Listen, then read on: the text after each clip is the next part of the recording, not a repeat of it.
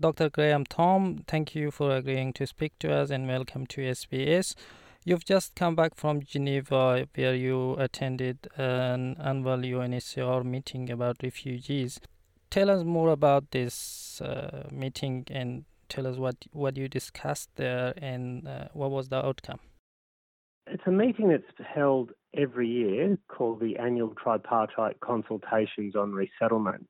And it's where governments, NGOs, UNHCR, and now refugee representatives come together each year really to look at what is the global situation facing refugees and how can resettlement countries provide a solution uh, through their resettlement programs for a small proportion of those refugees. So it looks at both which countries are going to take refugees from where and how many, and what are some of their solutions that can be unpacked by using resettlement in this way to support those countries that are hosting the vast majority of the world's refugees.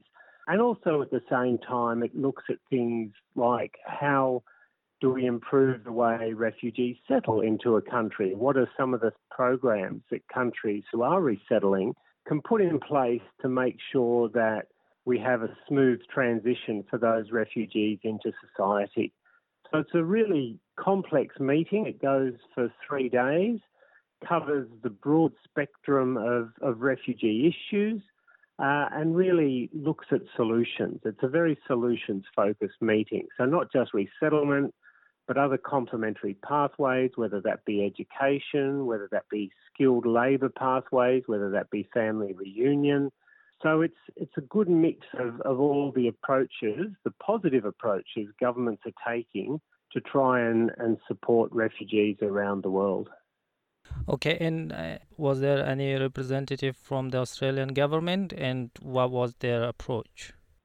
Well, there are representatives from all the resettlement countries, so it's a very comprehensive meeting. And as one of the bigger resettlement countries, along with the US, Canada, Germany, Australia has one of the biggest delegations at the meeting and so participates quite strongly uh, in terms of what it plans to do and, and the initiatives that it's putting in place. So it is uh, a meeting where Australia does stand up to talk about the good things it does in terms of resettlement um, and the good things it does for refugees and some of the positive approaches that it's trying to take. I think one of the things that the meeting highlights is the global needs really. And that's that's sort of I guess the depressing side of the meeting. You know there are now 35.3 million refugees around the world. And UNHCR estimates that 2.4 million of those refugees are in need of resettlement,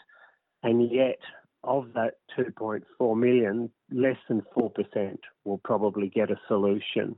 So it is really important that all the governments that are engaged in resettlement show up to this meeting and, and highlight some of the approaches that they're going to take. And so there were government representatives from Australia, there were NGOs, and there were also um, refugee representatives, people who have been granted refugee status in Australia, who went to the meeting to highlight what else needs to be done and, and where some of those gaps are.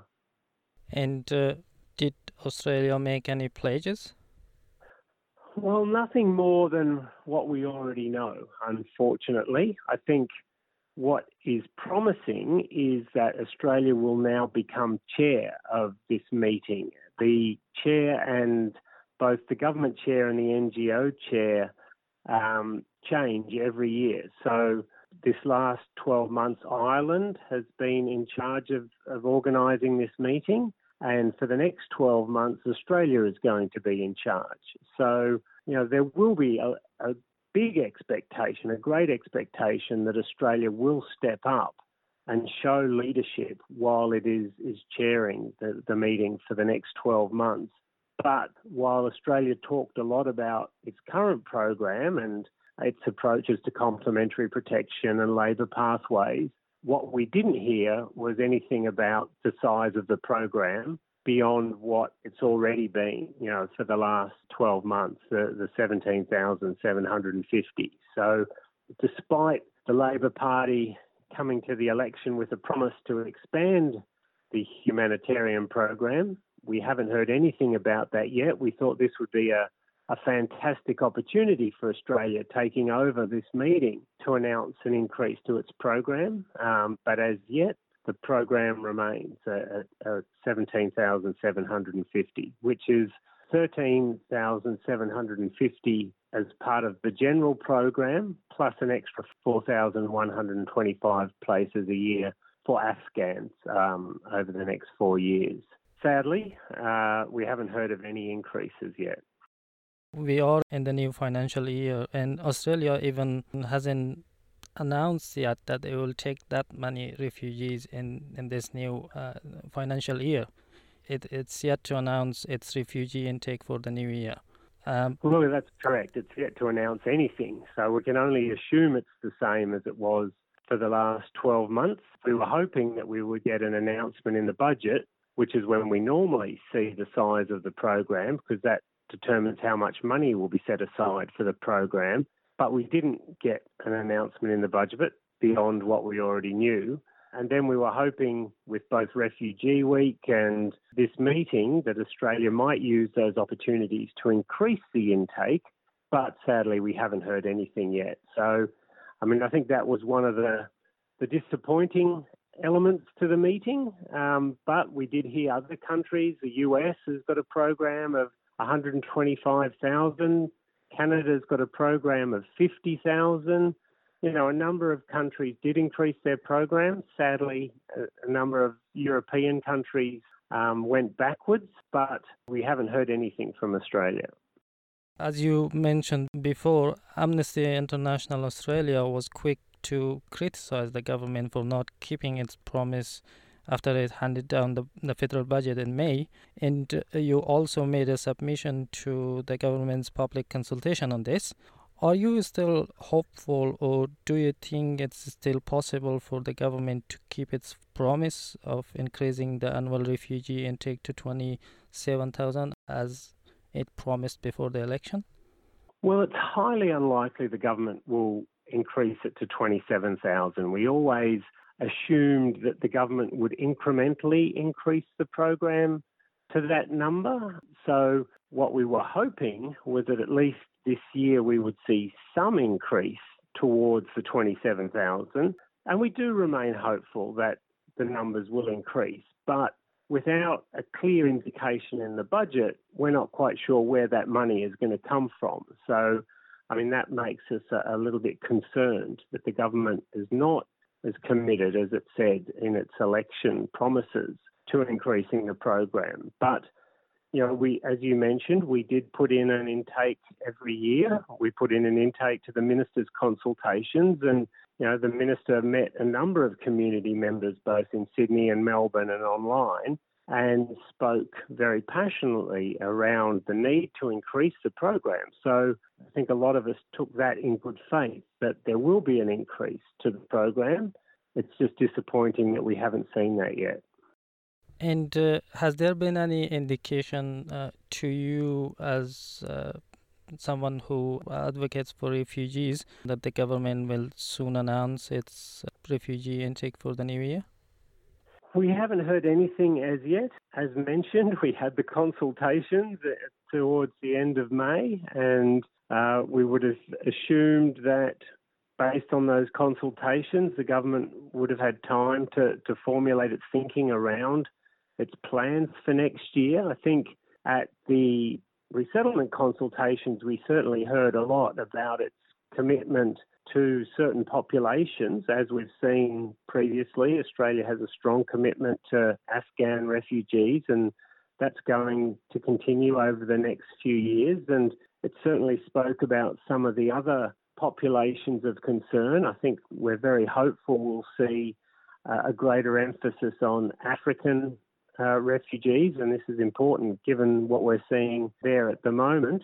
So, again, specific populations uh, were, were certainly highlighted at this meeting, but what the overall numbers means and how many from those particular areas I think is still up in the air until we get an official announcement from the minister. I think all we know is that commitment of the 4,000 a year for Afghans plus uh, an additional part of the quota also going to Afghan refugees. So about a third of our program at the moment is currently set aside for Afghan refugees, and that's likely to continue unless we see a significant overall increase to the program. So we know a little bit about what the program's going to look like, but without uh, the definitive announcement, I think we're just speculating, you know, more broadly. Yeah, and uh, let me ask you uh, about the people who have applied to come to Australia as refugees. These people, most of them have been waiting for years, and they are um, some of them are stuck in a, in, in a very difficult situation. Some of them are living in places that are simply not safe. Do you think the Australian government is doing enough to speed up the process?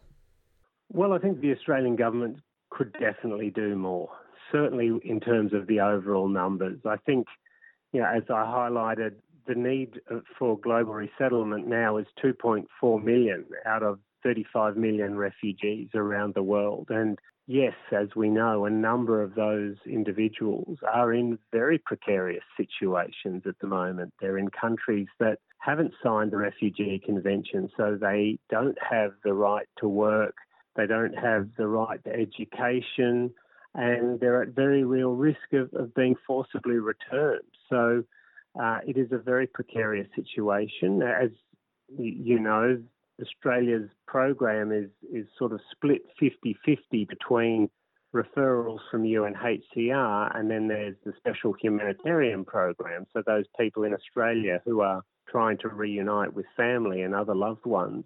And those people who've put in SHP applications have been waiting for some time, but it's because you know there are tens of thousands of applications for only a few thousand places, and similarly with UNHCR, you know they they're trying to squeeze their referrals again into a very small number of allocations uh, globally around the world, let alone for Australia. So that that need is definitely there, and the dire circumstances people are waiting in uh, is is certainly something that I think the government is fully aware of.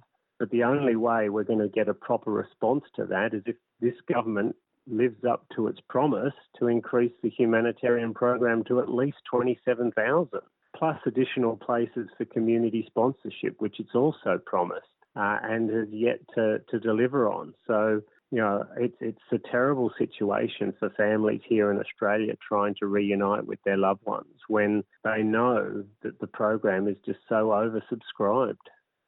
All right, Dr. Graham Thom, thank you again for uh, speaking to us, and it was a pleasure to speak to you.